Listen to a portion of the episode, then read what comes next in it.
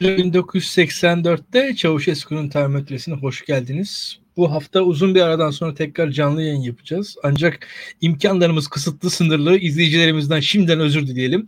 Ee, canlı yayın sıkıntıları veyahut da talihsizlikleri için e, biraz sabır dileyelim arkadaşlardan. E, bu hafta yaz bitti dedik. Yaz henüz daha tam bitmedi ama e, belki Adalet ve Kalkınma Partisi için bir yaz bitti. E, bugün uzun zamandan sonra Özer Sencer'in araştırmasında Tayyip Erdoğan'ın görev onayı ki bu e, Adalet ve Kalkınma Partisi'nin oyundan daha yüksek bir şeydir genelde. Görev onayı Türkiye'de devletçi refleksiyle Cumhurbaşkanı'nın onaylama e, tandansları, eğilimleri yüksektir. İlk defa %38'lere indi. E, bunu biz çarpıcı olarak değerlendirdik. Bunun dışında tabii ki benim e, ucundan olsa da bahsetmek istediğim bir şey var. Türkiye'deki insanların kiralar konusundaki tepkileri reel ekonomi e, tepkisi yaşanıyor şu an Türkiye'de. Bir enflasyon gerçeğiyle bir yüzleşme durumu var. Onun dışında tabii ki e, konularımız çok konularımız çok. Biz e, Kabil Havalimanı konusuna sanırım ilk değinen programdık. O konuda da son gelişmeleri Afganistan'da son sözlenen bilgiyandan duymak istiyorum. Böyle konularla beraber gireceğiz. Ee, bağlantılarımız nedense bugün kötü. Ee, tam çözemediğim bir durum var. Biz de yaz bitti desek de yazın en son sıcaklarının kadrine uğruyoruz. Bilmiyorum artık nasıl kalkacağız bu yayının ortasından. Üzerinden daha doğrusu, altından daha doğrusu. Ee, beraber başlayalım. Ee, bunun arkasından biraz daha uzun uzun e, konulara girmek gerekirse e, Burak Bilgehan hoş geldin diyeyim ben sana. E, sen de şu an tatilin sıkıntılarını ve zorluklarını çekiyorsun sanırım. E, zor geçen günler ben senin biliyorum şahsen. E, izleyicilerimiz bilmese de e, geçmiş olsun diyeyim ben. Ama bütün bunların sonunda umarız biraz e, rahatlamışsındır. Biraz rahatlamışsındır. En azından bir soluk almışsındır diye umuyorum. E, Bilgehan şöyle söyleyeyim ben. E, hükümet e, gerçekten başka bir aşamaya girdi gibi gözüküyor. Böyle onayını ben e, çok mühim değil yani. Biz burada anket tartışan bir program olmadık seninle genelde. En azından bu program formatı öyle anket tartışma değildi ama e, şunu gördük. E, Tayyip Erdoğan ilk defa e, seçim sistemi ni doğrudan e, bahsetmeye başladı. E, barajı adına e, bir baraj e, seviyesinin e, seviyesini ağzına aldı e, ifade etti. Yani yüzde yedi, yüzde beş falan. MHP için bu kadarını yapıyorum, MHP için şöyle yapıyorum, böyle yapıyorum dedi. Yani bu bir şekilde şu demek yani e, böyle bir opsiyonu Tayyip Erdoğan hep vardı. Ama bu opsiyonu yani bu, bu sözleri şimdiye kadar söylememesi ve şu an söylemesi şu demek. Diğer opsiyonları artık yok demek en azından. Ben onu seziyorum. Yani Tayyip Erdoğan için bir seçim sistemi değişikliğine gitmek ve hatta bir ittifak e, şöyle söyleyelim e, revizyonuna gitmek ihtimali vardı. Belki o revizyon ihtimallerinin azaldığını gösteriyor en azından. Yani bir yola çıkıldığını ben anlıyorum şu anda. Yani e, bu yaz bitti derken de kastım şuydu. Tayyip Erdoğan artık seçim sistemi hakkında konuşmaya başladı. Biz bundan sonra yani e, Adalet ve Kalkınma Partisi'nin özelde Recep Tayyip Erdoğan iktidarda kalma e, gündemleri var. Yani iktidarda kalma zorunlulukları var. İktidara mahkum bir parti. iktidara mahkum bir hareket şu anda. E, lider en azından. E, bu sistem içerisinde de biz artık seçim sistemi tartışıyoruz. Yani e, çözüm seçim sisteminde olabilir mi? Bir diğer birincisi bu. Bir, diğer, bir, bir diğeri sorularımın e, beğeninin düşmesinin e, sosyal siyasal sebepleri konuşulabilir ki e, burada hani klasik örnekler işte sel, yangın gibi ve mülteci meselesi gibi meselelerde devletin paralize olduğunu, felç olduğunu biz gördük. Yani biz özellikle burada e, hükümetin e, devletin başarısız olduğunu değil paralize olduğunu gördük. Bence bu ikisi farklı şeyler. Yani e, ortada bir başarısızlık durumu yok. Yani mesela bakarsanız şeydir e, depremde bir de başarısız olursunuz. Yani olayın boyutu sizi çok aşmıştır. E, ama e, neticede elinizden geleni de yaparsınız. Ama biz sel ve yangın ve hatta mülteci meselesi paralel oluş gördük diye düşünüyorum ben. E, bütün bunların arkasından e, bütün bunların arkasından e, yavaş yavaş şeyi hissediyoruz biz. Yani ne olacak İlgen? E, senin görüşlerini alalım. Yani konu çok açıkçası. Yani ben hani kiralara kadar değinmek istiyorum. Yani bugün çok da e, aklımda şey var açıkçası konu var. Evet ben tatildeyim ve e, gerçekten internet bağlantısı sorunu yaşıyorum. E, tatilde olmadığım zamanlarda da yaşıyorum. Genelde bu sorunu yaşıyorum. tatilde olmamın yani, bir alakası. En azından evde hissediyorsun. evet yani en azından bir, bir gerekçemiz var. E, ya aslında çok enteresan bir şey oldu. E, telefonun internetini bilgisayara yansıtmak isterken bilgisayar sanırım çöktü. Yani arkada saatlerdir yeniden kendisine onarmayı bekliyor. Bu meşhur 2018 seçimlerinin ertesi günü sipariş edilen alınan bilgisayar bu arada. ee, hani Tayyip Bey seçimi kazanınca hiç tereddüt etmeden aldığım bilgisayar. E tabii 3 sene oldu. Yani 3 sene geçti aşağı yukarı. 3 seneden daha fazla bir zaman. E, bilgisayar da eskidi ve e, Tayyip Bey'in 2018 yılından bu yana yürüttüğü yönetim de e, benim bilgisayara döndü. Yani yavaş yavaş böyle hani eskidiğini bir şekilde değiştirilmesi gerektiğinin sinyallerini veriyor. Güzel bağladım e, burada. E, şöyle bir şey, e, evet anket tartışmıyoruz ama olgu da kendisini bu kadar belli etmişken değinmeden olmaz. Bu kaybediyor artık. Yani e, bugün e, bir sonraki seçimde mevcut seçim sistemiyle gittiği zaman başarılı olamayacağını kabul etmiş bir iktidar koalisyonu var. Ve bu bizi şaşırtmıyor. Çünkü bu tip rejimler, bu tip e, yönetimler bir playbook üzerinden hareket ediyorlar. E, işte muhalefet partilerini meşru görmemek bunun bir parçası. Kendisine bağımlı bir kroni sınıf yaratmak bunun bir parçası işte sivil toplumu sindirmek bunun bir parçası, akademiyi kendisine ram olmaya zorlamak bunun bir parçası. Yani dünyanın çeşitli ülkelerinde bunun örneklerini görebiliyoruz. Bu playbook'un son maddesi de seçim kanunu değiştirmek. Yani bunun benzerlerini biz gördük ve seçim kanununun değişmiş olması, değişiyor olması bizi şaşırtmıyor. Çünkü iktidarda kalması lazım. Niçin? Çünkü devlet mekanizmasını ortadan kaldırıp kendisini onun yerine ikame ettiği için kendi iktidar kaybını e, bir devlet kaybı ya da devletin kaybı olarak tanımlayan bir parti var. E, aslında devlet kaybetmeyecek. Yani devlet seçimle oylanan, onaylanan veya reddedilen bir şey olamaz zaten. Soyut bir kavram. E, halbuki basit işte AK Parti içerisinde mevkilerde bulunan, bu parti sayesinde zenginleşen, bu parti sayesinde makam mevkiye ulaşan insanlar kaybedecek veya kazanacak seçimde. Yani Türkiye'nin bir partinin kaybıyla ya da bir liderin kaybıyla devlet olarak kaybedeceği bir durum yok ve birçok siyasetçisi, birçok siyasi partisi var. Fakat e, küçük kıyamet Adalet ve Kalkınma Partisi için hakikaten seçimin kaybı. Bu küçük kıyamet. Bu parti için derken partiye oy veren seçmenlerden bahsetmiyorum. E, seçmenler böyle olduğunu düşünselerdi zaten AK Parti'yi terk etmezlerdi.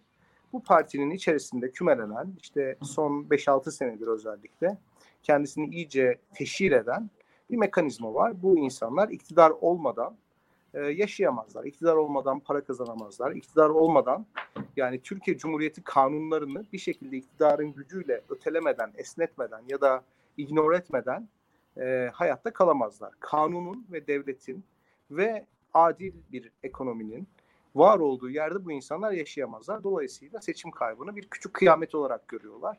Bundan kaçınmak için de seçim kanunu değiştirdikçe değiştirecekler. Yani bu işin sonu şuna kadar gider. Türkiye'de AK Parti'nin çoğunluğunu aldığı bir ilçeyi bulursunuz. O ilçeye 500 tane milletvekili çıkartma hakkı verirsiniz. Sadece çoğunluk üzerinden yani geri kalan 50 milletvekilini Türkiye'nin geri kalanına çıkartırsınız ve Adalet ve Kalkınma Partisi yüzde birlik oyuyla bile çoğunluğu elde etmenin peşine düşebilir. Fakat burada ilginç bir şey var yani neticede o üzerinden bir çoğunluk devşirmeye çalışıyor, bir meşruluk devşirmeye çalışıyor. Bu da e, önemli çünkü oy mekanizmasına bu kadar önem vermek ya da oy oy olgusuna, oy meşruluğuna bu kadar önem vermek aslında e, AK Parti iktidarının da kendi içerisinde çatırdıyor oluşuna ve hiç kimsenin kendisini güvende hissetmiyor oluşuna işaret. Özellikle Tayyip Bey'in iktidar ortaklarına karşı kendisini güçlü hissedebilmek için mutlaka bir oy meşruluğuna ihtiyacı var. Bunu da söyleyebiliyoruz. Yani Türkiye'nin bir totaliter yönetime evrilmemesinin Türkiye'nin halen daha rekabetçi otoriter seviyesinde kalmasının sebeplerinden bir tanesi iktidar ortakları arasında o uyumun olmaması. Ee, yani hep konuşulur ya seçim olmayacak derler ya da seçimden sonra iktidarı devretmeyecek derler. E bu olabilir yani ama hiçbir şey eskisi gibi de devam etmez. Liderler kimin sayesinde iktidardalarsa onlara mahkum olurlar. Yani seçimde kaybetmiş ama ısrarla yönetmeye devam etmek isteyen bir lider ordu veya polis sayesinde bunu becerir ve aslında bir sonraki dönemde yönetimde ordu veya polisi kim kontrol ediyorsa olur. O yüzden yani şunu söylemekte sakınca görmüyorum. Hakikaten bu hikaye bitiyor ve bu hikaye birbirine güvenmeyen iktidar ortaklarının e, bir şekilde birbirlerini bir an evvel e, uygun zamanda terk etmenin yollarını aramasıyla bitiyor. Onu da söylemek istiyorum. Bu seçim kanunu değişikliği e, son bir teşebbüs. Bu teşebbüs eğer toplum tarafından kabul görürse yani çok fazla rahatsız edici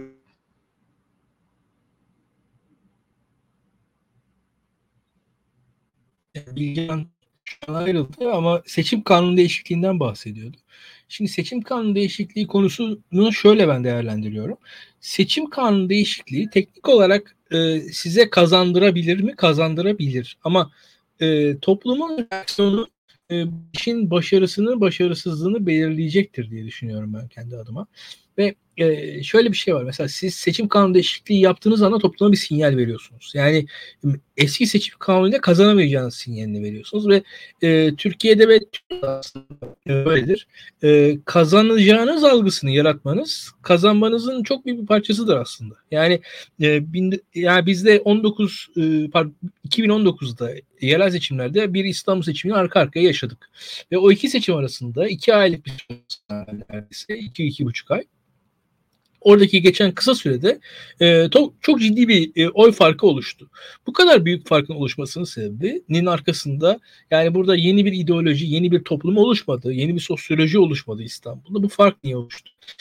olmasının en önemli sebeplerinden bir tanesi esasında toplumun algısı değişti. Yani toplumun seçime dair algısı değişti mesela. Onu da ekleyelim. Yani orada İmamoğlu seçimi kazanabilir dediğiniz zaman bile çok kişi, çok az kişi sizi o az kişi ikna edebiliyordunuz ama ikinci seçimde yani olduğu anda bir anda ikna edebildiği insan sayısı da arttı. Şimdi buna benzer bir şey bu seçim kanunu değişikliklerinde de olacaktır. İktidarın her seçim kanunu değişikliği aslında e, iktidarın e, şöyle söyleyeyim seçimi kazanacak kaz, kazanacaktır duygusunun zayıflaması anlamına gelir. Daha öncesinde Adalet ve Kalkınma Partisi'nin yaptığı değişiklikler neydi? Hatırlayalım. Ee, mesela Cumhurbaşkanı halk seçsin. Şimdi Cumhurbaşkanı halk seçsin diye bir değişiklik yaptığınız zaman siz ben bu seçimi kazanırım basını da ortaya koyuyorsunuz. Devam ediyor, ediyorum. Ee, işte Cumhurbaşkanlığı hükümet sistemine geçiş yani icracı Cumhurbaşkanlığına geçiş duygusu ve halkın seçtiği Cumhurbaşkanı icracı olması meselesi. Bu da sizin seçimi kazanacağım e, iddianızı ortaya koyabilir. Yani aslında bu değişiklikler Adalet ve Kalkınma Partisi'nin e, seçmene verdiği bir birer sinyaldi de yani hani bu içe, içeriklerinden bağımsız. Ben bu seçimi kazanırım sinyalini veriyordu ve Kalkınma Partisi. Şimdi e, bugünden sonra yapacağı bir büyük ihtimalle seçimi kazanamayacağına dair bir e, sinyal verecektir diye düşünüyorum ben. Yani bu açıdan e, değişiklik yapmanın kendisi değişiklikten daha bağımsız olarak bu, bu, bu noktada Adalet ve Kalkınma Partisi'ne bence zarar verebilir. E, benim fikrim e, ve e, yani bu e, görev onayları vesaireler e, bu, bunun etkili olduğunu düşünüyorum ve iktidarın elindeki seçeneklerin azaldığı gözüküyor. Yani bugüne kadar iktidar bu e, seçim kanunu konusunu nispeten daha arkada Gazi'de Abdülkadir Selvi'nin yazılarındaki verdiği sinyallerden biz genelde yorum yapıyorduk. E, buradaki kanaatim benim e, iktidarın belli bir kısıtlara, sınırlara geldiği, yani bundan sonra hareket alanının azaldığı ve bu değişikliğe de muhtaç mahkum olduğu. E, bu değişiklik nasıl netice verir? Tabii e, neticenin kendisi şudur. Muhalefetin e, dirayeti, sebatı ile e, ilk başta belirlenecek. Yani muhalefet hakikaten e, kendi kitlesiyle beraber e, sağlam durabilirse e, çok olmaz diye düşünüyorum. E, Burak Bilgehan'ın bağlantısının e, daha hala sonuç vermemesi aslında bana şunu hatırlattı. Muhtemelen gene e, telefonun ısınmasıdır diye tahmin ediyorum ama o olmasa da ben e, konuşa konuşa bu yayını sürdürebilir miyim? Bence sürdürebilirim. E, Adalet ve Kalkınma Partisi'nin e, ve özünde Tayyip Erdoğan'ın görev onayının e, geriye düşüşü e, buradaki e, sınırlarda olduğumuzu gösteriyor. Yani Tayyip Erdoğan'ın kendisi ve kendisinin e, üzerindeki Tayyip Erdoğan'dan beklenen şeyleri bakalım. Tayyip Erdoğan'ın o iktidar ortaklarına yani bizim e, ilk başta MHP ile, ile En azından en meşru ortağı. Onun dışında bürokrasideki güçlü odaklar Tayyip Erdoğan iktidar ortakları. Belki e, sermayeyi güçlü Erdoğan iktidar ortakları olarak anılabilir. Bunlar daha e, üst siyaset kurumları olarak Tayyip Erdoğan iktidar ortakları olarak anılabilecek kişiler ve ya, Tayyip Erdoğan'ın benim e, enturajı dediğim yani yakın çevresi dediğim bunlar zaten Tayyip Erdoğan'ın bağımsız var olamayan kitleler. Şimdi bu odaklarla Tayyip Erdoğan bunlara e, şöyle bir e, şey sağlıyor. Tayyip Erdoğan'a bu kitle %100 itaat ediyor. %100 itaat ettiği anda da Tayyip Erdoğan e, bunlara da iktidarı sunuyor. Yani Tayyip Erdoğan'a bu kitle. Son sözü Tayyip Erdoğan söylüyor ve Tayyip Erdoğan'ın itaatlerinin karşılığında da Tayyip Erdoğan bunları iktidarda tutuyor. Yani siz iktidarda kalıyorsunuz. iktidarın bir parçası oluyorsunuz. Bu işte MHP açısından kadro ile e, ortaya çıkıyor. Veyahut da e, taraf açısından da e, kadrodan ziyade iktidar rantının bir parçası olarak ortada kalıyorsunuz diye düşünüyorum ben. E, bütün bunların içerisinde e, biz son dönemde Erdoğan iktidarının kendi iç yapısıyla alakalı sorunlarla karşılaştığını gördük. Bu iç yapısıyla alakalı sorunlar da şu. E, daha ziyade e, Berat Albayrak'ın tasfiyesi, ondan sonrasında Süleyman Soylu'nun nispeten arka plana alınması ve Erdoğan iktidarının daha e, kendi e, en e, son e, diyelim savunma hatlarından da mahrum kalmasını ortaya çıkarttı bence. Benim ben öyle düşünüyorum. E, bütün bunların ortaya koyduğu sorunlar üzerinden biz konuşmaya devam edelim. Şimdi e, ekonomik sorunlar Türkiye'deki ana e, siyasal yarılma ekseni olmaya devam ediyor. E, ekonomik sorunlar da iktidar henüz kısa vadede bir çözüm bulabilmiş değil. E, Türkiye'nin aslında dinamik bir ekonomisi var. Yani arkada Türkiye'nin ekonomik e, güç dinamikleri yüksek aslında. Yani Türkiye'de bir sanayi var, Türkiye'de insanlar üretiyorlar, girişimci bir nüfusumuz var. E, ama bütün bunların yanında da e, sıradan vatandaşın e, refah seviyesi gerçekten düşmüş durumda. Yani burada ben özellikle her yayında e, biraz ekonomi konuşmak istiyorum. Yani her yayında biraz ekonomiye lafı getirmek istiyorum. Bugün biz e, kiralar üzerinden ekonomiyi konuşur hale geldik. Kiralar üzerinden ekonomiyi konuşmaya başladık. Bütün bu e, kira meselesi de e, bize şöyle söyleyeyim e, saklanan gerçekliğin açığa çıktığı anı yaşadık diye düşünüyorum ben. Çünkü e, kiralar aslında e, son iki yılda bu Covid sürecinde çok ciddi baskılanmış e, değerlerdi. E, artık o Covid e, kapanmalarının e, nispeten sona erdiği, eğitim başlamasının umulduğu zamanlarda da kiralara da baskılar, baskılar kalktı ve e, birçok e, ev sahibi de mülk sahibi de o kirayı e, kira seviyesini yükselterek eski kayıp, kayıplarını da telafi etmeye çalıştı diye düşünüyorum. E, bütün bunların üzerinde e, Bilgehan şöyle devam edelim. E, şu an bağlantı seviyen nasıl onu e, kontrol edelim istersen. Çözdüm çözdüm. Geliyor mu sesim? E, şu an çok daha iyi geliyor. Benden iyi geliyor muhtemelen. Öyle tahmin ediyorum. Yok, ee, sesim öyle, iyi. Tamamdır. Ee, şöyle söyleyelim. Şimdi e, Erdoğan'ın e, politikalarının da belli sınırlara geldiğini biz gördük. Yani e, bence seçim sisteminden bahsediyor oluşu artık hani diğer opsiyonların ortadan kalkmasının da e, kalkmasının sonucu. Yani hani şu ana kadar seçim sistemi de masadaki seçeneklerden bir tanesiydi. İşte atıyorum onun dışında kendi iç parti içerisinde belki bir revizyon e, opsiyonlarından bir tanesiydi. Veyahut da devam edelim bu revizyon dışında e, muhalefetin içerisinden bir parçayı kendi yanına çekmek belki opsiyonlardan bir tanesiydi e, muhalefet içerisinden bir parçanın yanına çekilemediği görüldü. Muhalefetin oylarının ciddi artışı bence şu an yavaş yavaş hissediliyor. Yani Türkiye'deki e, özellikle adı bilinen e, güvenilir firmalar e, bu konularda ön almaktan çekindiler diye düşünüyorum ben. E, çok da mesele de değil ama bir yerden sonra artık e, saklanamaz bir hal aldı. Yani bu iş e, belli noktaya geldi. Yani ve burada da e, şu var e, bu işin çözümü e, öyle gözüküyor ki e, Erdoğan iktidarı yani yurt dışından şu an esasında opsiyonlar buluyor. Yani öyle ya da böyle biz kızıyoruz mülteci meselesi falan diyoruz. Türkiye'deki e, Türkiye'nin kendi işte sen diyorsun ki refahı, insanların mutluluğu, mahallelerinin rahatsızlığı falan e, işte e, karşılığında mülteci, Batı'nın mülteci sorununu çözerek Türkiye kendisine bir alan sağlıyor diye bir tezin de var nispeten. E, bütün bunlarla beraber ama Türkiye'de yurt içinde e, olay çözülemiyor. Yani e, muhalefetin muhalefet giderek kurumsallaşıyor. Yani öyle ya da böyle. Türkiye'de bakılırsa Cumhuriyet Halk Partisi bir noktada e, belli bir tabana oturdu. Yani İyi Parti için biz %10'ları konuşuyorduk bundan bir yıl önce, iki yıl önce falan. Şu an artık hani %10'lar seviyesinin üzerinde olduğu öyle ya da böyle kabullenilmiş durumda. %15'ler seviyesi artık kabullenildi en azından. Yani daha altı pek söylenen ben daha görmedim mesela. Yani %11, 10, 9,5 falan böyle anketler vardı. Bir buçuk iki sene önce. Şu an daha artık düşük öyle hatta. Daha düşük. Evet, evet. Yani öyle anketler yok artık. Yani hani e, gözümüzde artık e, e, HDP derseniz şimdi iddia ediliyor ki e, seçim sistemi değişikliğiyle HDP'ye giden oyların bir kısmı geri gider falan diye umuyor. Da oradan da ben iktidar tam, tam tersine bir hareket de bekliyor olabilir diye düşünüyorum. Yani hatta e, yani Kürt kimliği üzerinden Adalet ve Kalkınma Partisi oy verecekken HDP oy vermiş bir insan grubu olacağını pek ummuyorum. Yani öyle bir şey olacak. Ki şöyle de bir şey var. Ee, özellikle yani Cumhuriyet Halk Partisi'nin mesela enteresan bir hareket alanı var. Yani burada e, öz, yani e, pek CHP'li nispeten daha ulusalcı figürler tam e, şey yapmasalar da çok mutlu olmasalar da özellikle e, en politik olmayan ama Kürt kimliğine sahip kitlede CHP'ye dair algı e, giderek olumlu hale geliyor diye umuyorum ben. Ya orada öyle bir geçiş olduğunu görebiliyorum yani. Tam e, ne kadar seçmene yansır, oya yansır belli değil ama o da hissedilmeye başlandı.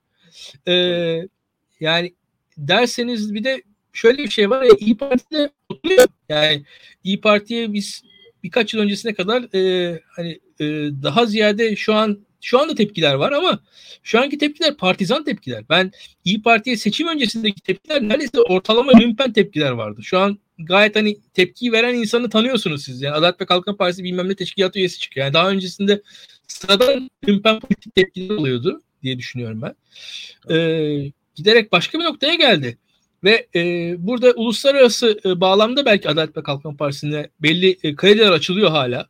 Yani bu gerek IMF, gerek Çin'le ilişkiler, gerek e, bu mülteci meselesi üzerinden tek tek krediler açıldığını görüyoruz ama içeride olay çözülemiyor. Ne dersin? Valla e, İlkan şimdi neresinden başlasam bilmiyorum. E, şöyle bir şey. E, öncelikli olarak e, Tayyip Bey'in görev onayı meselesi aslında bence önemli. Çünkü ilk defa Tayyip Erdoğan'ın yani Türkiye Cumhuriyeti Cumhurbaşkanı'nın görevde olduğunu ve bunun onaylanmadığını görüyoruz. Yani buradan neyi murad ettiğimi söyleyeyim. E, şu ana kadar hep e, hükümetin performans problemlerinin sorumlusu başka bir insan olabildi. Yani hükümetin başarısızlıkları hep Tayyip Erdoğan dışındaki başka insanlara fatura edilebildi. İşte bu Berat Albayrak oldu, cemaat olabildi, işte bürokratik oligarşi denildi, ee, işte son aylarda Süleyman Soylu oldu. Fakat şu anda e, bu tip başarısızlıkları fatura edebileceğimiz başka kimse yok. Yani Tayyip Erdoğan görev onayını niye düşürdü? Çünkü Tayyip Erdoğan'dan başka sorumlu tutulabilecek kimse kalmadı ortada farkındaysan. Yani bunu bir kere vurgulamak gerekiyor. Ve Tayyip Erdoğan'dan başka sorumlu tutulacak birisinin olması yani Tayyip Bey'in görev onayının daha yüksek olması e, ve başarısızlıkların fatura edilmesi gereken başka birisinin de piyasada var olması ya da sahnede var olması da aslında bir sadrazamın varlığına işaret ediyor. Yani aslında eski sistemin başbakanının varlığına işaret ediyor. O da beraberinde parti içi klikleşmeyi, parti içi gruplaşmayı beraberinde getiriyor. E, dolayısıyla şu anda AK Parti aslında hiç kimseye ait bir parti değil.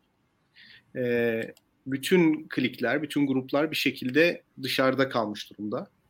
E, ve sahnede sadece Tayyip Erdoğan var ve bütün politika başarısızlıkları da ona fatura ediliyor tabii haliyle. Ve bu böyle giderse daha da düşecek. Yani öncelikli olarak onu söylemek isterim. E, o yüzden e, Adalet ve Kalkınma Partisi'nin seçime nasıl bir stratejiyle, nasıl bir ikinci adamla gideceği de çok önemli. Şimdi bu şunu söylüyor bize. Yani işte demokrasiler bir anlamda krizlerin usulünce çözülme yöntemidir. Yani kriz siyasete içkin bir şeydir. En katı diktatörlükte bile gruplaşmalar, karşıtlıklar olur. Demokrasilerde de olur tabii ki. Demokrasiler bunu göz önünde ve şeffaf yollardan yaptığı için çok istikrarsız rejimlermiş gibi algılanırlar. Halbuki diğerlerine nispeten daha istikrarlıdırlar. Çünkü şeffaf bir süreç sonunda krizleri gözlemleyebilirsiniz, müzakereleri gözlemleyebilirsiniz, ittifakları gözlemleyebilirsiniz. Katı otoriterliklerde ya da otoriterleşme skalasında daha uçlara doğru gittiğimizde kriz yok olmaz. Krizin görünürlüğü yok olur. Ama kriz görünürlüğü yok oldukça daha ani şekilde gelişir ve insanları daha ani şekilde yakalar. O yüzden e, Adalet ve Kalkınma Partisi e, bir şekilde o siyasetin doğasıyla yaptığı savaşı bence kaybetti. Tayyip Erdoğan'ın tek adam olduğu, krizleri bir şekilde e, siyasetten ayrıştırmak isteyen, hayatın her alanından krizleri ayrıştırmak isteyen, siyaseti yok etmek isteyen parti aslında şimdi yavaş yavaş kendisini yok etmeye başladı. Çünkü anlaşılıyor ki demokrasilerde, partilerde, işte bu kurullar, ne bileyim ikinci adamlar, parlamenterler öyle beyhude yere ortaya çıkmış insanlar değil. Bu kavramları biz beyhude yere icat etmemişiz medeniyet olarak. Yani herkesi siz kendi personeliniz gibi görüp istediğinizde görevden alıp istediğinizde susturup istediğinizde konuşturabileceğiniz bir personel gibi gördüğünüz zaman en sonunda bu oklar bir şekilde size dönüyor ve sizi sorumlu tutmaya başlıyor. E, o yüzden bu mukadder bir şeydi ve biz 2021 senesinde bunu yaşıyoruz. Üstelik nasıl bir dönemde yaşıyoruz biliyor musun İlkan? Biraz önce sen bahsettin. Hakikaten reel ekonominin de insanların hayatını çok kötü etkilediği bir dönemde yaşıyoruz. Yani şu anda hepimiz bütün orta sınıf insanlar ve orta sınıf olmak isteyen insanlar bir hayal kırıklığı içerisinde. Dar gelirli vatandaşlar büyük bir yaşama mücadelesi içerisinde. Ee, iyi kötü para kazanan insanlar yani üst gelir grubundaki insanlar bir şekilde servetlerini koruma ve bunu yurt dışına götürme gayretinde. Ee, emeğinin uluslararası karşılığı olan insanlar kendi emeklerini, kendilerine yapılmış yatırımı yurt dışına taşıma peşinde. Bu sistemden memnun olan insanlar hakikaten herhangi bir emek sarf etmeden, herhangi bir gayret sarf etmeden refah içerisinde yaşayan insanlar. Bunlar çok memnunlar. Şimdi dolayısıyla o memnuniyetsizler koalisyonu arttıkça ki artıyor. Tayyip Bey'in etrafındaki zırh da zayıfladı ve biz %38'lik gibi bir rakamı gördük. Bu %38'lik rakamın içerisinde Milliyetçi Hareket Partisi ve Adalet ve Kalkınma Partisi'nin toplam seçmeni var. Yani baktığınız zaman aslında. Yani sadece Adalet ve Kalkınma Partisi yok. Aynı zamanda sen de bahsediyordun benim yayın koptuğu zaman. Yani o, o, o konulara gelecektim aslında ben de. Ee, yani Cumhurbaşkanı'na duyulan da bir diğer parti seçmenlerinden de belli kesimde bir onay mekanizması vardır yani iyi kötü. Tabii tabii. Yani devletin hepsi... başı diye bakılır açıkçası. Yani o Türkiye'de Cumhurbaşkanlığı kurumu diye bir şey var. Yani bizim e, insanlar Cumhurbaşkanı büyük yazılır. Zaten mesela tabii. hani atıyorum e, her zaman Cumhurbaşkanı diye anılır. İşte hatta hani eski denmez 9. Cumhurbaşkanı denir, 8. Cumhurbaşkanı evet. denir. Bunun evet. bir e, literatürü vardır mesela. Hani eski Cumhurbaşkanı evet. denmez. O saygısızlık hani eski bakan denir. E, ama eski Cumhurbaşkanı denmez mesela Türkçe'de. Tabii, Şimdi tabii, böyle bir şey tabii. Ben hiç unutmam. E, üniversite öğrencisiydim. Türk Standartları Enstitüsü'nde bir e, konferansa gitmiştim lobide oturuyorduk işte arkadaşlarla, hocalarla falan. Daha üniversite öğrencisiydim. O zaman da Ahmet Necdet Sezer Cumhurbaşkanıydı. Fakat hı hı. Süleyman Demirel'in konferansa geleceğini söylediler. Kalabalık bir konferans. Herkes oturuyor işte. Dinleyenler var içerideki salonda. Bir de dışarıda lobide oturanlar var. Bu konferansların aslında e, en ilginç hı hı. tarafı o dışarıda lobilerde geçer. Yani içerideki konferanstan daha heyecanlı olan dışarıdaki sohbetlerdi. Biz de dışarıda oturuyorduk. Ee, Süleyman Demirel girdi mesela e, binaya. E, bir baktık herkes ayağa kalktı. Eski Cumhurbaşkanı. Yani bütün ama çok ihtişamlı bir şeydi o. Bütün salon ayağa kalktı. E, biz de sohbete dalmıştık. Ya biz de oturuyoruz herkes ayağa kalktı falan deyip biz de kalkmıştık. Hakikaten Cumhurbaşkanı'nın böyle bir saygınlığı var. E, bir de şöyle bir şey var. Metropol anketi telefonla yapılıyor. Telefonda Cumhurbaşkanı'nı onaylamıyorum demek de aslında biraz e, zor bir iş Türkiye'de. Zor.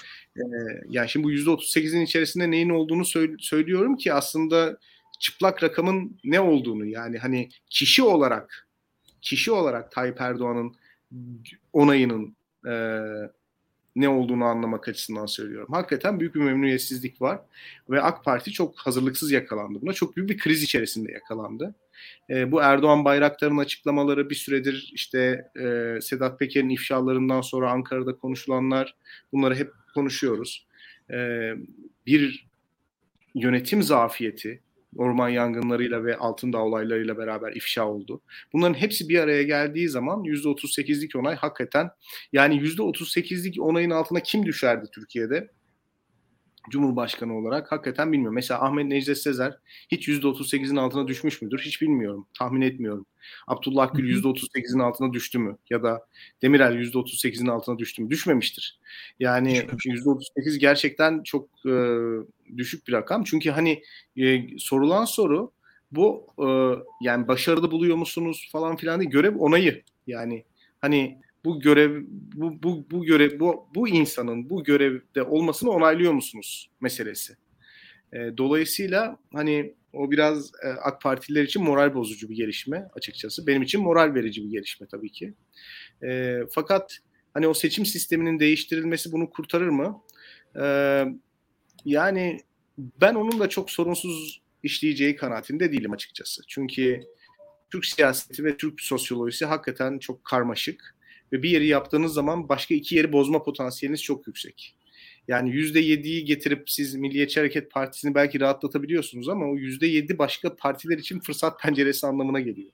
Çok net söylemek gerekirse. Evet. Yani çok karmaşık işler yapmanız lazım. Yani karmaşık işler yaptığınız zaman da bu şuna benziyor. Yani yalan söyleyip onu devam ettirmeye başlayınca daha fazla yalanlar söylüyorsunuz ya ve ayağınıza dolaşıyor. Onun gibi bir şey.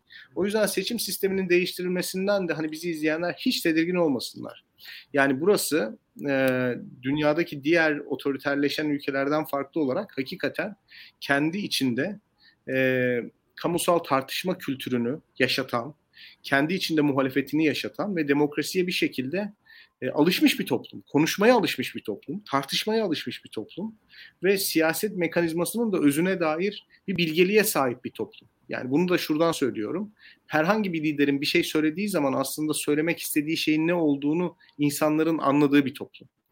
E, o yüzden siyasetin canlı olduğu, öldürülemediği bir toplum. Bu tip dizaynlar, bu tip mühendisliklerle e, ben çok başarılı olunabileceği kanaatinde değilim. Zaten senin o meşhur lafın yani e, mühendislik başarısız olursa mühendislik olarak adlandırılıyor. Yani, yani siyasi evet. mühendisliğin başarısız olanına siyasi mühendislik diyoruz. Başarılı olanına başka bir şey, sosyolojik olgu diyoruz. ee, o yüzden hani şu andan bile biz eğer bunun bir mühendislik olduğunu konuşuyorsak başarılı olmaya mahkumdur demek. Kesinlikle başarısızlığa mahkum. Peki istersen birazcık daha ileri gidelim. Ee, son birkaç ayda alternatif senaryolar biz konuşmaya başladık. Yani ne oldu? Abdullah Gül adı tekrar duyulmaya başlandı mesela. İzleyiciler de bu soruyu soruyorlar. Gerçekten de yani çok spekülasyon falan diye de ben konuşmayalım istiyordum ama konuşmasak da ayıp. Yani bir yerden sonra bizim de bir şeyler söylememiz lazım. Yani ne dersin? Ee, Abdullah Gül adı e, sürekli bir şekilde e, bir şekilde diye, iktidarın bazen yakınında olan insanlardan, bazen eskiden iktidarın yakınında olmuş olan insanlar tarafından hep önümüze getiriliyor. Abdullah Gül adına dair senin e, düşüncen nedir? Yani ne yapabilir Abdullah Gül bundan sonra? Ya çok enteresan bir şey. E, AK Partililerin kendi içlerinde vermesi gereken bir mücadele var. Yani bir siyasi parti olarak kendi rüştünü ispatlayamamış bir partiden bahsediyoruz. Yani bugün 20 senedir ülkeyi yöneten siyasi parti aslında siyasi parti kimliği konusunda soru işaretleri olan bir parti. Çünkü siyasi partilerde muhalefet olur siyasi partilerde tartışmalar olur. Siyasi partilerde kongrelere birkaç aday gider. Siyasi partilerde liste çatışması olur. Siyasi partilerde klikleşmeler, gruplaşmalar olur. Siyasi parti böyle bir yerdir. Ve bu ayıp değildir, günah değildir. Yani siyasi partiler bazen bölünürler. Siyasi partiler birbirleriyle hesaplaşırlar. Birbirleriyle kavga ederler. Birbirlerini suçlarlar. Yani Cumhuriyet Halk Partisi'ne bakın bunu görürsünüz. Ya daha 3 yıllık parti, iyi Parti'ye bakın bunu görüyorsunuz. Tabii. Yani bunlar olur. Milliyetçi Hareket Partisi mesela bana sorarsanız bir siyasi partiye çok benzeyen bir partidir. Adalet ve Kalkınma Partisi ile mukayese ettiğiniz zaman. Çünkü sürekli olarak bir parti içi gerilimi bünyesinde barındırır. Ama yani Adalet ve Kalkınma Partililerin yani bugün Abdullah Gül ismini bir şekilde gündemde tutan Adalet ve Kalkınma Partilerin anlamadıkları şey bir siyasi parti olarak o hesaplaşmayı kendi içlerinde yapmayı öteledikçe, reddettikçe o hesaplaşmayı halen daha Cumhurbaşkanlığı seçimi üzerinden yapmayı tercih ettikçe böyle bir başarı şansları olmayacak. Yeni partiler kurabilirler. Yeni kadrolarla, yeni oluşumlara gidebilirler. Abdullah Gül'ü Cumhurbaşkanı adayı da yapabilirler. Fakat bu Buradaki asıl mesele şu. AK Parti'nin ötelediği, yapmadığı, korktuğu, çekindiği bir iç hesaplaşma var. Bu iç hesaplaşmayı yapmak lazım. Yani bu hesaplaşmayı yapmadıkça Abdullah Gül'ün Cumhurbaşkanlığı sonrası kol kırılıp yenin içinde kaldığı bir süreçte yumuşak bir geçişi planlamanın hiçbir anlamı yok. Adalet ve Kalkınma Partisi siyasi parti olamadı ve bunun sebeplerinden bir tanesi Tayyip Erdoğan'sa bir tanesi de Tayyip Erdoğan'a muhalif olan insanlar. Doğru. Yani sözlerini bunu, söylemediler. Yani tabii. herkes sessiz kaldı, sonraya bıraktı. Bir şekilde ortam kirlenmesin, bir şekilde tat kaç tat kaçırmayalım. Yani tabii. Abdullah Gül Adalet ve Kalkınma Partisi'nin kurucusu, Cumhurbaşkanı seçilmiş birisi kongrede kongre salonuna sokulmadı bir şekilde yani hani evet. kongre tarihiyle beraber e, biz bunu gerçek olarak konuşmadık baktığın evet. zaman. E, devam edelim. Bu ülkede Hakan Fidan en büyük Adalet Kalkınma Partisi'nin hani önde gelen bayrak figürü haline getirilmiş birisiydi. Milletvekili adayı olur gibi oldu. Bir şekilde olamadı. Ya biz ne oldu bunlar ne, nedir? Bil, bilmiyoruz mesela. Bak düşün Pelikan falan dosyası vesaire onları konuştuk ettik. E, kalanı e, hala ne olduğu belirsiz. Mesela Süleyman Soylu geçen gün televizyona çıktı, konuştu, bir şeyler daha öğrendik. Ya o kadar artık parti kurulmuş, ayrılmış, hala şey konuşulmuyor. Yani ve ben orada e, şunu söyleyeyim, yani gerçekten sen e, Türk sahanın nasıl e, konuştuğuna dair yani benden daha bilgilisin açıkçası. Nasıl, nasıl konuşmadığını benden daha iyi biliyorsun evet. en azından. Veyahut da nasıl konuştuğunu işte atıyorum Türk Gün Gazetesi köşe yazarlarını okuyarak e, böyle e, Millet Gazetesi'ndeki notları falan e, süzerek falan oralardan biz anlamaya çalışıyoruz. Şimdi bir yandan da gerçekten de ya birey olarak da kendimi biraz dalga geçirmiş hissediyorum ben bu konularda. Yani ya hakikaten e, o, oydan, sistemden falan bağımsız insan yerine konulmadığımı hissediyorum bütün bunlarda. Yani ya, durum ne? Bana bunu söyleyin biriniz. Bu en azından şöyle oldu ya da böyle oldu. Ben bileyim bunu. Hala e, biz böyle arkadan kulağını tersten gösterme çabasını falan görüyorum burada. E, aynen katılıyorum ve yani e, ben Gül konusunda da yani Abdullah Gül ismine gerçekten çok sert muhalefet eden e, ulusalcı insanlar var. E, öyle de böyle ben e, bu muhalefete de saygı duyuyorum. Ben onlardan birisi değilim. O kadar sert bir muhalefetim yok. Ama şöyle bir durum var. Ya bu insanların da e, bu insanlar da vatandaş. Yani açıkçası anlatabiliyor. Bu insanlara da bir cevap verilmesi gerekiyor. Yani bu insanlar e, aynı yerde durduğum insanlar değil benim siyaseten muhalefette. Ama bir yandan da bu, böyle bir insan grubu var. Yani böyle bir insan gerçekliği var. Yani burada milyonlarca insan var. Şimdi siyaseti bu e, seçmenden bağımsız e, üst düzey liderlerin veyahut da siyaset entelijansiyasının, siyaset elitlerinin, e, toplumsal hani medya elitlerinin, akademi elitlerinin kendi arasında oynadığı bir oyun değil yani bu bir yandan. Değil, bu tabii değil, değil ve, ve şunu kabul etmeleri lazım İlkan. AK Parti devrim falan yapmadı. Böyle devrim yapmış parti hassasiyeti ve sertliğiyle ne, nereye kadar idare edebilirler? Ya, yani, yani devrime halal gelmesin diye 20 senedir susan yani ve bunu bu şekilde süsleyen, bu şekilde meşrulaştıran insanlar var. Böyle bir şey olabilir mi? Hani biz şu andaki piyasada piyasada olan bir dönem AK Parti siyaset yapmış siyasetçilerden veya piyasada olmayanlardan veya durumdan memnun olmayanlardan ya meşru, makbul, hakları anayasayla garanti altına alınmış Türkiye Cumhuriyeti vatandaşlarıymış gibi çıkıp bir gazeteye mülakat vererek ya da bir televizyona röportaj vererek bir AK Parti okumasını niçin göremiyoruz ya? Ya 20 senede bu partinin nasıl kurulduğu, nasıl evrildiği, hangi dönüm noktalarında kendisini eksilttiği ve bu noktaya geldiğini niye biz dinleyemiyoruz? Hakikaten çok enteresan. Vallahi yani biz varken iyiydi, biz gittikten sonra kötünün dışında bir hikaye ben dinleyemedim açıkçası. Ya e, hatta daha ileri gideyim. En çok konuşan insan güya Ahmet Davutoğlu. E, işte çok iddialı video yapmış diye bakıyoruz. Ne yapmış videoda? Benim davam hırsızlık değil, atama değil, şu değil. Ya hani yani diyor işte kötü şeyler yaptı. Böyle bir şey yok yani. Böyle bir bu, bunun adı zaten hani öz eleştiri falan değil açıkçası. Bu yani ben sadece kötü şeyler yaptığı için AKP'den ayrıldım diyor Ahmet Davutoğlu ve evet. en büyük lafı bu. Hakikaten ve şu, e, onun da çok büyük bir laf söylemiş gibi o, e, o, o videoyu paylaşmış. Ben de hakikaten bir anda şu o açıdan katılıyorum. Ama şu an benim için çok küçük bir adım. E, çünkü ortada hiçbir içeriye dair söylenmiş söz yok. Ya şimdi düşün ben mesela Burak Bilgehan Özpek'i eleştiriyorum. Niçin eleştiriyor? Burak Bilgen Özbek'in söylediği yalanlar, yaptığı yanlışlar yanlıştır. Yalanlar yalandır diyor. E şimdi bu, zaten yani yalanlar yalan, yanlışlar yanlış. Ama senin özüne dair bir eleştiri değil bu.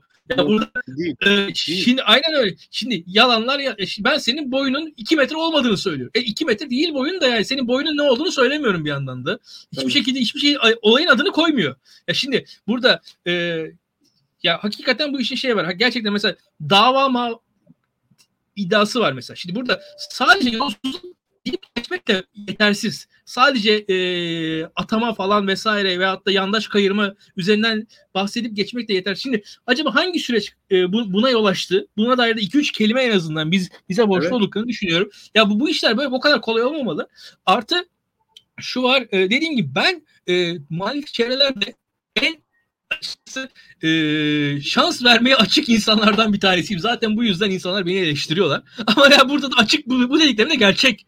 Yani bu dediklerim bu dediklerim yani e, gerçekten bu dediklerim aslında eleştiri yapabilseler kendi tabanlarından onların yanına gelebilecek insanlar olacak. Çok fazla var. Evet çok fazla olur. Evet. Şimdi çok fazla. Ya şunu söyleme, o, o, söyleyebilirler. o, o, mesela. zaman yani o zaman da muhalefetin kalanı ya kendi tabanlarından insanları ikna ettikten sonra o insanlara daha çok saygı duyar.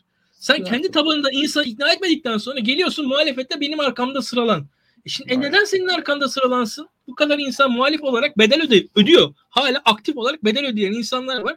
Bir tane e, hani affedersiniz, gönül kırmaktan kim yani e, tatsızlıktan, ağzının tadının bozulmasından imtina etmiş 20 sene boyunca insanlar tüm 20 yıl boyunca bedel ödemiş insanların arkalarında durmasını bekliyor. Yani ağzının tadı bozulmasın diye 20 senedir susan insanlar bunu isteyemezler bence. En azından biraz ağızlarının tadını bozmaları gerekir diye düşünüyorum. Tabii. Ve mesela o senin söylediğin dava meselesi mesela. Belki dava kavramının kendisi zaten başından itibaren sorumluydu. Aynen. Yani işte Ya- bu noktaya getiren dava kavramının kendisiydi. Soyut, tanımlanamayan, çerçevesi çizilemeyen ve her Yani- türlü kabahati, her türlü işte ne bileyim beceriksizliği bir şekilde meşrulaştırdığımız, her türlü günahı meşrulaştırdığımız kutsal bir dava kavramı sorunun ta kendisiydi belki. de. Kesinlikle. Ya o beceriksizliğin adı dava zaten. Yani Evet. açıkçası o suskunluğun adı dava. Yani o dava o. Ya, hakikaten e, ya ve şöyle bir şey var. Çok basit bir şekilde ya önlerinde binlerce fırsat vardı. Şu an bana hiç kimse 85 milyon ülkenin yaşadığı sorunların sebebinin bir kişi olduğuna ikna edemez. Burada gayet bu insana sorunlar. Böyle bu, bu işler böyle kişinin üzerine yüklenerek geçilecek bir şey değil. Benim de şahsen sorumluluğum var. Açık konuşayım. Yani burada herkesin bu, bu işler hani e, adını doğru koymak lazım. Adını doğru ve e, ideolojik olarak da öyle bir kişi üzerine sorumluluk falan insanlar değiliz biz. Sen zaten akademisyensin. Yani bu böyle bir dünya yok. Türkiye çok güzel bir ülkeydi. E, Recep Tayyip Erdoğan diye birisi çıktı otoriterleşti. böyle bir şey böyle bir analiz olmaz yani açıkçası. bu Yok, yok, e, yok, yok. yok. Ve şunu da söylemek lazım. Yani e, hani mesela bu hikayenin kırılma noktaları var. Tarihi eşikleri var. Mesela buralarda insanların durdukları yerler nereler? Mesela buna bir bakmak lazım. Hani hakikaten Tabii. mesela bunu Avrupa Birliği reformlarına itibaren bakacağız. Mesela o reform sürecinde neler yaşandı ya da o reform süreci niçin kamu ihale kanununu kapsamadı? O noktada Tayyip Bey'in tavrı nasıldı? Parti elitlerinin tavrı nasıldı? İşte kamu kaynakları kullanılarak medya satın alırken bu adamlar ne dediler? Hiç akıllarına bir şey gelmedi mi? 2010 referandumundan önce tavırları niçin farklı olamadı? Yani bunların yani ya bir siyasi partide bunları beklersiniz ya herhangi bir konuda yani en basit konuda bile birkaç tane farklı düşünen insan olabilir. Hani liderin politika yapma alanı tartışmaya açılsın demiyorum yani. Lider politika yapma alanına sahip olmalı. Fakat bunlar ani gelişen olaylar karşısında verilen tepkilerden ibaret değil. Olgu yani senelere yayılmış olgulardan bahsediyorum. Ve o noktada hani çıkıp kimse biz iktidarın bize bahşettiği nimetlerin sarhoşluğuna kapıldık ve bir noktada bu güçleri Tayyip Bey'e atfetmekten de imtina etmedik demiyor.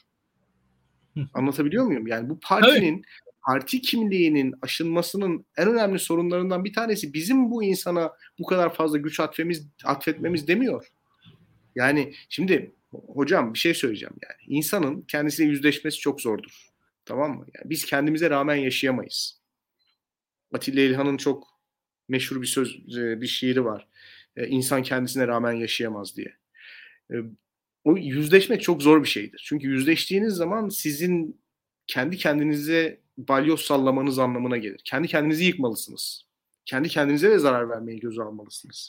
Şimdi bu arkadaşlar kendilerini meşrulaştırmak derdindeler. Kendilerini bir şekilde e, yıpratarak bir hesap çekme ya da bir ne derler bir e, kendi, kendi tarihlerini gözden geçirme eğilimi içerisinde değiller. Çünkü kendinizle yüzleştiğiniz zaman kendinize zarar vermeyi göze alacaksınız. Olabildiğince kendinize yabancılaşacaksınız. Hatalarınızı, doğrularınızı, sevaplarınızı neyse bunları bir analiz edeceksiniz ki yeni bir geleceğe doğru yelken açabilirsiniz. Bir şey söyle açabilirsiniz. Bir şey söyleyebilirsiniz. Şimdi fakat böyle bir şey olmuyor. Böyle bir şey olmuyor. Yani bu insanlar biz oradayken iyiydi, çıktık kötü olduğunun ötesinde bir hikaye anlatamıyorlar.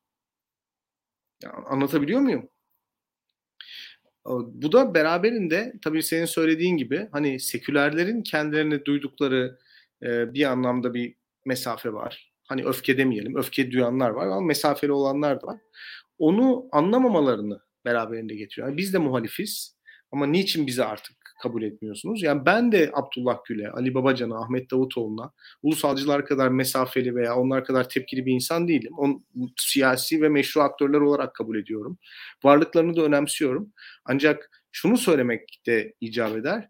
Bu insanların siyaseten şu anda konuştukları kitle ve konuştukları kelimeler hakikaten bir anlam ifade etmiyor. Doğru kelimeleri ve doğru kitleyi bulmalarını bekliyorum. Ve o kitleyi bulabilmek için e, bu yaşanan 20 senelik hikayenin bir okumasını yapmalarını, kendilerine rağmen, kendilerine zarar verme pahasına okuma yapmalarını tavsiye ediyorum. Çünkü bu otoriterleşme hikayesinin sadece bir faili yok.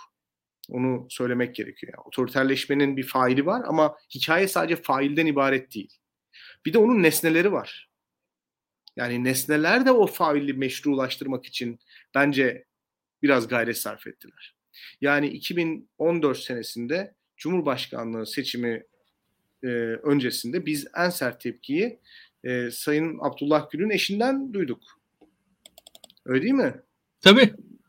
Yani bu, bu enteresan değil mi? Yani Adalet ve Kalkınma Partisi içerisinde 2014 senesinde hiç mi ya kurucu e, insanlardan ilk genel başkan, ilk başbakanımız şimdi tekrar partiye geri dönmek istiyor böyle bir hakkı vardır diyen hiç mi milletvekili olmadı yahu? Hiç mi bakan olmadı? Hatta şöyle yani böyle, böyle bir siyasi parti olur mu İlkan? Allah aşkına. Tabii. Ya e, hatta şöyle bir şey var. Yani Recep Tayyip Erdoğan mesela Abdullah Gül'ün yerine aslında e, Binali Yıldırım'ı ataya, atamak isterdi. E, hı hı. Ahmet Davutoğlu gibi yani siyasal İslam'ın ideoloğu olarak e, görülen belki de bir figürü, ideolog e, çerçevesinde saygı gören bir figürü seçmesi Abdullah Gül'ün yerine aslında o zaman Abdullah Gül'ün gücünden kaynaklanıyordu. Tabii. o kadar büyük bir güç, o kadar büyük bir güç olmasına rağmen tadımız kaçmasın diye sustu. Bu, bu, bu kolay bir şey değil. Yani ki mesela o zaman mesela Tayyip Erdoğan bir de karşısındaki gücü gördü. O gücün karşısında ben Binali Yıldırım adaylığı gibi bir pervasızlıkta bulunamam dedi. O ilk anda. Biz o, biz onu yaşadık. Yani Tayyip Erdoğan'a kalsaydı Yıldırım, Hatta Binali Yıldırım basın toplantısı yapacaktı hatırlarsan. Son anda vazgeçti. Hatırlıyor musun? Evet, hatırlıyorum tabii ki. Muhtemelen muhtemelen sert bir şeyler söyleyecekti. Ee, ya ama siyasi partilerde olur bunlar. Birbirlerine sert Hı-hı. şeyler söylerler. Evet. Yani bakıyorsunuz işte Tanju Özcan CHP'de yönetime karşı sert bir şey. Çünkü siyasi parti. Ya çünkü siyasi parti. Ya bir şirket evet. değil, bir holding değil. Vallahi ya anlatabiliyor yani. muyum? Böyle bir şey. Ben siyasetin tamamıyla öldürüldüğü, kusursuz bir uyum içerisinde hareket eden, herkesin davaya doğru büyük bir aşkla, iştiyakla koştuğu, fakat bunun arka planında insanların küçük bencil çıkarlarını tehlikeye ve riske atmaya asla yanaşmadığı bir bir mekanizma görüyorum burada. Yani e, biraz burada muhtemelen söylediğimizi ifade ettik diye düşünüyorum. Bu evet. seçimlere dair de Ee, şöyle söyleyeyim ben. Yani Abdullah Gül hikayesi e, olabilecek bir hikayeydi. Çok fazla fırsat vardı önünde şimdiye kadar. Objektif olarak bakarsak. Bu işler evet. sandıkla oluyor. Yani o sandık hikayesine dair e, en azından şu var. Hani Abdullah Gül seveni en azından entelijans içerisinde çok olan bir insan. Yani akademide, medyada, e, siyasetle ilgilenen elitler arasında tanıdığı, seveni, yanında bulunduğu, beraber yürüdüğü, e, farklı farklı ekollerden insanlarla temas etmiş olan bir insan. E, ve her zaman adı, adı geçecektir. İşte onu sevecektir. Ama en azından sandık konusunda her geçen gün, her geçen dakika, her geçen saniye Abdullah Gül çok fırsatı kaçırıyor, kaçırmakta. Yani şu anki Abdullah Gül 5 yıl önceki Abdullah Gül değil artık. Artık geçti. Evet. 10 yıl önceki hiç değil. Ee, o zaman başka bir şey olabilirdi. Başka bir şey olma şansı vardı. Öyle söyleyeyim ben. Yani e, Abdullah Gül'ün e, bu işte Fenerbahçe'nin şike meselesini de hatırlıyorum. Bir kanunu e, şey yapmıştı, veto etmişti o zaman. Tek veto ettiği kanun. Hani saygı. O zaman da yani düşünüyorum orada bile şey aslında yani daha fazla bir e, daha sağdan bir iktidara muhalefet yapabilmişti ancak. E, diğer konuda muhalefet açıktan yapabilme yapabil, yapamamıştı. Mesela Abdullah Gül iktidarın daha solunda pozisyonlandığı birçok konu vardı ama o konudaki pozisyonları sessiz ve arkada kaldı. Yani ben mesela yani biliyorum yani Abdullah Gül'ü e, Gül'ün mesela Türkiye'nin Avrupa Birliği ilişkilerinde doğru yaptığı işler var. Ama yapıyor. Kimse bilmiyor bunu mesela yaptı zamanında. Şimdi e, bu kadar sessizlik, bu kadar yani atıyorum Türkiye'deki LGBTİ artı falan hareketlerinin Türkiye'deki ilk 90 2000'lerdeki e, gelişmesinde öyle ya da böyle katkısı oldu. Ama bu katkısını hiç kimse bilmiyor. Şimdi neden bilmiyor? Tabii. Çünkü aman ama böyle siyaset olmaz mı bir yerden sonra? Bu, bunun bunun üzerine kurulmaz bu iş. Hatta tamam. parti içerisinde sana şöyle söyleyeyim. Evet. 27 Nisan bildirisine karşı daha yumuşak tepki verilmesi gerektiğini düşünenlere karşı da duran 27 Nisan e-muhtırasına karşı olabildiğince sert bir tavır takılmasını gereken gerektiğini söyleyen isim de Abdullah Gül. Baktığınız zaman. E, yani Şimdi... burada zaten tartıştığımız mesele hocam Abdullah Gül'ün kendisi, kişiliği, Türk demokrasisine yaptığı katkılar ya da Türkiye'deki demokrat insanlar üzerindeki etkisi değil. Burada bir AK Parti özlemi çeken bir grup insan var. Muhafazakar evet. demokrasi özlemi çeken bir grup insan var ve Abdullah Gül bu insanlar için bunu temsil ediyor. Yani şimdi bu insanların ben hani Abdullah Bey'in gerçekten İlkan siyasete dönmek gibi bir niyeti de olmayabilir. Yani asla böyle bir niyeti de söylemedi. Hani telaffuz da etmedi. Anlatabiliyor evet. muyum? Yani kendisinden o... böyle bir niyet olduğunu da söylemedi. Bunu da kabul edelim. Ama bir grup insanda böyle bir özlem var. Böyle bir ihtiyaç var ve Abdullah Gül onlara göre bunu temsil ediyor. Fakat e, bu insanlara benim aslında bir şey söylemem gerekiyor. Yani zamanında parti içerisinde mücadelenizi yapmayıp hatta partiden çıktıktan sonra da doğru bir okumayla, doğru bir analizde partinin niçin bu noktaya geldiğini tespit etme gayreti içerisinde olmayıp sadece böyle seçim dönemlerinde çıkıp bir şekilde kısa yoldan bu işi halletmenin mümkünatı yok. Yani hı hı. Türk siyaseti artık buna uygun bir zeminde ilerlemiyor. Maalesef ilerlemiyor. Yani belki de iyi ki ilerlemiyor. Ee, iyi ki ilerlemiyor. Evet, evet. Onlar için yani, maalesef. Bizim için iyi. Tabii ki, tabii. tabii. Yani bu açıdan ben e, birazcık daha gerçekçi olunması gerektiğini düşünüyorum. Yani e, iktidar açısından opsiyonlar yok mu? Var aslında. Başka opsiyonlar da var bence. Ama bu opsiyonların bir kısmını belki Tayyip Erdoğan e, kendisi yok etti. Yani görevden aldı e, veyahut da görevden affını kabul etti diyelim. Öyle bir garip bir şeyler yaşanıyor Türkiye'de. Süleyman Soylu'nun düşünürsek bizim yayınlarımızın e, kısa tarihi içerisinde etkisinin nasıl azaldığını gün ve gün gördük. Tabii, Esasında e, çünkü şöyle onun da resmen kolu kanadı kırıldı teknik olarak. Kırıldı. Yani biz çünkü e, eski Süleyman Soylu olsaydı bu yangın, sel biz onu görürdük, onu duyardık. Ya şu an o kadar görmedik, duymadık. O da e, tesadüf değil. Yine aynı şekilde bu mülteci meselesinde, bu tarz meselelerde Süleyman Soylu'yu en önde görürdük, duyardık. Gene duymuyoruz. E, benzer hikayeler e, şu an işte ama ne var karşımızda? Kiralar meselesi var zaten. Onu konuştuk. Yani evet. çok da devam etmeye gerek yok. Ama benim için şu Kabil meselesi önemli. Çünkü Kabil meselesi, e, Kabil Havalimanı meselesi birazcık da şey, iktidarın gelecek alternatiflerinden bir tanesinin üzerinden geçiyor. Yani Hulusi, Hulusi Akar hikayesinin üzerinden geçiyor diye düşünüyorum. Yani orada orasından oradan yansıyor en azından. E, Kabil Havalimanı konusunu eleştiren yayınlardan birini biz yapmıştık. Türkiye'nin orada görev almasının çok yanlış olduğunu söylemiştik. Sen o konunun üzerine özellikle durmuştun. O zaman evet. hiç gündem değildi. Ee, ve yani Afganistan'da şahsen bulunmuş bir e, akademisyen olarak demiştin hatta. Yani orada çok tehlikeli o iş demiştin. Ee, Afganistan'daki Türk askerini Afganistan'da görmüş birisisin sen. Ee, burada bizden farklı olarak yani orada Türk askerinin nasıl Afganistan'da devriye yaptığını, nasıl sokağa çıktığını, nasıl yaşadığını bilen bir insansın sen yani. Şu an aslında e, az sayıdaki e, cidden entelektüelden birisin. Bunu filan yaşamış. E, dediklerin Hı-hı. önemli. Ve burada da bunun e, konumuza bağlayalım. Adalet ve Kalkınma Partisi içinden geliyor ve Türkiye'nin geleceği açısından da bir, bir noktası bir yeri var gibi geliyor. Türkiye ile Amerika ilişkileri. Var. E, ne dersin? Kabil Havalimanı. Amerika. Evet, son iki aydır, evet bunu da konuşalım. Son iki aydır aslında yaşadığımız birçok şey bu konuyla alakalı. Ee, yani bence daha uzun bir program yapmalıyız ve hakikaten bir Afganistan uzmanıyla bu programı yapmalıyız ama şimdilik şöyle bir şey söylemek lazım. Ee, Türkiye'nin Kabil Havaalanı'nı koruma projesi e, Taliban'ın ülkeyi ani bir şekilde ele geçirmesiyle çöktü. İyi ki de çöktü.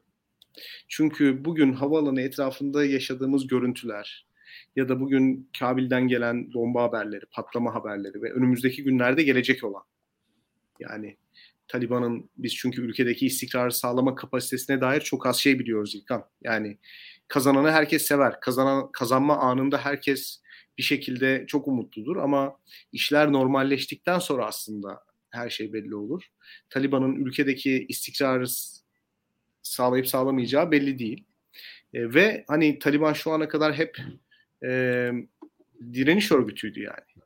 Hani bir iktidara karşı savaşıyordu. Şimdi iktidarın kendisi oldu ve diğer direniş örgütlerini bastırma, bastırmakla uğraşacak. Bunlar tamamıyla farklı davranışları gerektiriyor. E, dolayısıyla hani Afganistan'da istikrarı sağlamak çok zor ve bu coğrafyaya Türkiye askeri e, Kabil Havalanı'nı korumak için gönderilecekti. Hani Türkiye'deki Türkiye'deki askerler, Türkiye Cumhuriyeti vatandaşları böyle kritik bir coğrafyaya gönderilecekti ve gidebilir askerin görevi bu tabii ki ama e, bunun Türkiye'nin ulusal çıkarıyla bir alakası yok. Yani bir açıklama yapamıyoruz. Bugün bir tweet yazdım aslında manidardı. Çok az etkileşim aldı ama keşke İran, İran'ın yerinde deniz olsaydı dedim yani. çünkü, çünkü yani. yani mesela mavi vatancılar bu, bu şekilde meşrulaştırıyorlar ya birçok şeyi. Hani deniz yetki Doğru. alanıyla beraber bir müdahaleyi meşrulaştırdıkları için hani Afganistan'a müdahaleyi meşrulaştıracak bir şey de yok. Yani oradan bize yönelik bir güvenlik tehdidi yok. Bizim ulusal çıkarlarımızı maksimize edecek bir Afganistan politikasına ihtiyacımız yok. Yani oraya harcayacağımız enerjiyle daha fazla şeyler yapabiliriz. Oraya harcayacağımız kaynakla. Oradaki amaç Türk-Amerikan ilişkilerini yeniden rayına sokmaktı. Ve Türk-Amerikan ilişkileri yeniden rayına sokulduğu zaman aslında tasfiye olacak. Ekip de belli. Yani bunun da açık açık adını koyalım. Bugün Paramount Otel'de ya da Sedat Peker ifşalamalarında adı geçen Avrasya oligarkları, Avrasya oligarklarıyla iş yapan Türkiye'deki sistem içerisindeki insanlar falan aslında bu anlaşma sonucunda tasfiye olacaktı muhtemelen. Çünkü Türkiye Afganistan üzerinden kendi Amerikan politikasını yeniden bir sisteme oturmayı planlıyordu. S-400 meselesi uzun zamandır konuşulmuyordu dikkat edersen. S-400'ler konusunda Hulusi Akar son açıklamaları yaptı ve oldukça hani bu meseleyi gündemden düşürmeye ve bir şekilde halledileceğine dair sinyaller vermeye yönelik açıklamalardı bunlar. Fakat bu Afganistan politikası çöktü. Şimdi çöktükten sonra dikkatimizi çeken şey şu. E, göçmen meselesi patladı. Cep telefonu kameralarıyla devletimiz bunu tespit edemedi ama cep telefonu kameralarıyla vatandaşlar tespit etti. Ve ülkemize göçmen girdiğini biz anladık. Sosyal medyada büyük bir infial oldu. Ee, bu konu Sputnik Haber Ajansı tarafından çok e, akıllı bir şekilde gündemde tutuldu. Yani Sputnik bunun önderiydi demiyorum ama en azından Sputnik bir devlet kurumu olduğu için e, bir politikanın indikatörü aynı zamanda. E, nerede saf tuttuğunu çok iyi gördük. E, bütün tweetler neredeyse bu konuda bir anlamda göçmen e, karşıtlarını sinirlendirecek manşetlerle sunuldu. Çünkü Afganistan'la Türkiye arasındaki bu mesele bir şekilde Rusya ve Rusya bağlantılı grupların tasfiye olması anlamına geliyordu. Ee, ama Taliban'ın tabii bölge ele geçirmesi bütün bu hesapları biraz e, inkitaya uğrattı. Şimdi Türk-Amerikan ilişkilerinin geleceği konusunda e, daha fazla soru işaretine sahibiz. Çünkü S-400 lafları dolanmaya başladı ve Erdoğan ikinci e, S-400 siparişinin de e, verilebileceğini, orada bir sıkıntı olmadığını söyledi. Yani bunlar çok tesadüfi şeyler değil. E, şu anda benim görüşüm e, iktidarın kendi içinde büyük bir gruplaşma olduğu ve Tayyip Bey'in bu gruplaşma içerisinde herhangi bir tarafı tutmadan ayakta kalmaya çalıştı. E, buradan bir galip çıkmayacak bana sorarsanız. Yani ben bundan bir ay önce, bir buçuk ay önce farklı konuşurdum. Ama buradan bir galip çıkmayacak. E, ve bu tepişme içerisinde AK Parti seçime girip kaybedecek. Buradan bir galip çıksa da kaybedecek. Kesinlikle ama, katılıyorum. Ama e, bu hani kavga ede ede öyle söyleyeyim size. Kavga ede ede. Ve programın en başında söylediğim bugün Tayyip Bey'in bir sadrazamdan yoksun olması, yani kendisine bir kalkan bulamaması, bir ikinci adam bulamaması aslında tamamıyla bu arada kalmışlığı yönetme stratejisinin sonucu. Yönetmek isterken herhangi birisini ikinci adam olarak at- atayamıyor. Yani oraya getire sistemin kalbi yapamıyor, beyni yapamıyor. Böyle oldukça da bütün oklar hızlı bir şekilde Tayyip Bey'e dönecek, dönüyor. Ee, buradan da AK Parti'nin e, hani ileride konuşacağımız mağlubiyetine dair bir şeyler söylemiş olmak istedim. Çünkü hakikaten sebeplerden bir tanesi de bu. Ya e, açıkçası Burak Bilgehan dediklerine yüzde yüz katılıyorum. Hatta şöyle söyleyeyim ben ben daha ağır da e, yorumlar yapabilirim. Ya iktidarlar e, dünyanın her yerinde iktidar vardır e, siyasal sistemler iktidar dönüşümünün e, yollarını yöntemlerini belirlerler. E, ve Türkiye gibi otoriterleşen ülkelerde e, iktidar dönüşümünün yolu yöntemini belirsiz hale geliyor ve siz ikinci adamınızı yok ederseniz iktidar dönüşümüne bir yol yöntem bırakmamış oluyorsunuz. Şimdi evet. o yol yöntem belirsizliği de e, burada tek tek örnekler var. Yani mesela e, bir kraliyet açısından e, açıkçası e, erkek çocuk sahibi olmaması bir siyasal sistem krizidir. Bu evet. çok ve, ve şu anda mesela atıyorum e, bu hemofili vardı mesela Rus e, çarının çocuğunda vesaire. Burada ve ve gayet de Rus devriminin e, Ekim devrimine giden yollarda etki faktörü. Yani o, komiktir ama böyledir. Yani hayat tarih böyle bir şey. Şimdi e, bu e, Adalet ve Kalkınma Partisi içerisindeki biz sürekli iç çatışmalardan bahsederken ve Tayyip Erdoğan'ı bir yandan da hani çok büyük bir aktör gibi, orkestra şefi gibi bir taraf tutmadan arkada bunları izliyor biz ani güzel falan de, derken aslında yani hata yapıyordu.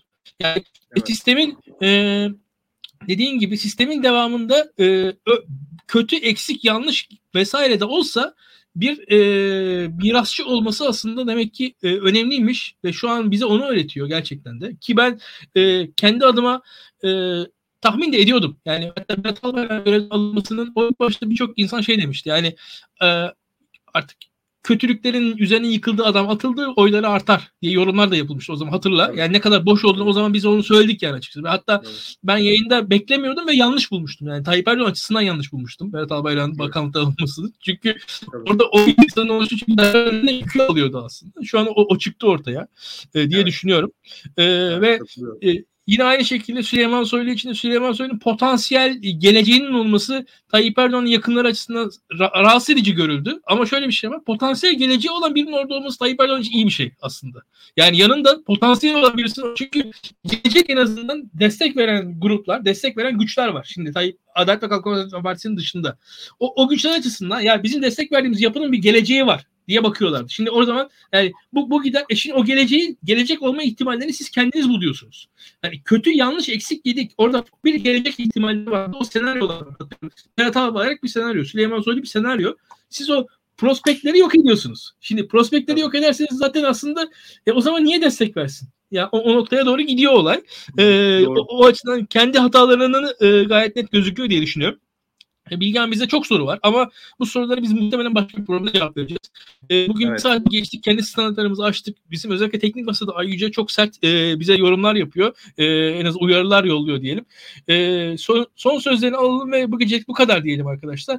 Muhtemelen evet, ekstra bir yayınla da karşınızda oluruz yakında. Tamam. Bu soruları toplayalım. Bir sadece soru cevap programı yapalım. Orada Tamam. cevap vermeye çalışalım. Çok kusura bakmasınlar. Tamamdır o zaman. Ee, arkadaşlar bu gecelik bu kadar diyelim. Yayınlarımızı beğenmeyi, paylaşmayı, yorum yapmayı unutmayın. Yorumlarınızı bekliyoruz. Ee, ilginç ilginç konular karşımıza çıkacak gibi gözüküyor özellikle. Ee, bu Birleşik Arap Emirlikleri konusu önemli. Afganistan konusu önemli. Amerika ile ilişkiler konusu, Rusya ile ilişkiler konusu. Özellikle biz uluslararası çerçeveyi az konuşabildik. Bugün m, sanırım benim moderasyon hatamla beraber biz Abdullah Gül'e ve yerel siyasete çok gömüldük ama e, daha uluslararası konuların konuşulduğu, daha stratejik konuların konuşulduğu bir programa daha karşınızda olacağız diye düşünüyorum. Uzun zaman sonra yaptığımız ilk canlı yayında e, hatalar, eksikler, yanlışlar olsa da e, en azından burada olmak güzel. Canlı yayın güzel heyecanı, canlı yayın, hırsı, enerjisi güzel bir şey. Bunu da özlemişiz. Güzel, güzel, evet. Ee, evet. Tekrar görüşmek üzere diyelim. İyi geceler arkadaşlar. İyi geceler.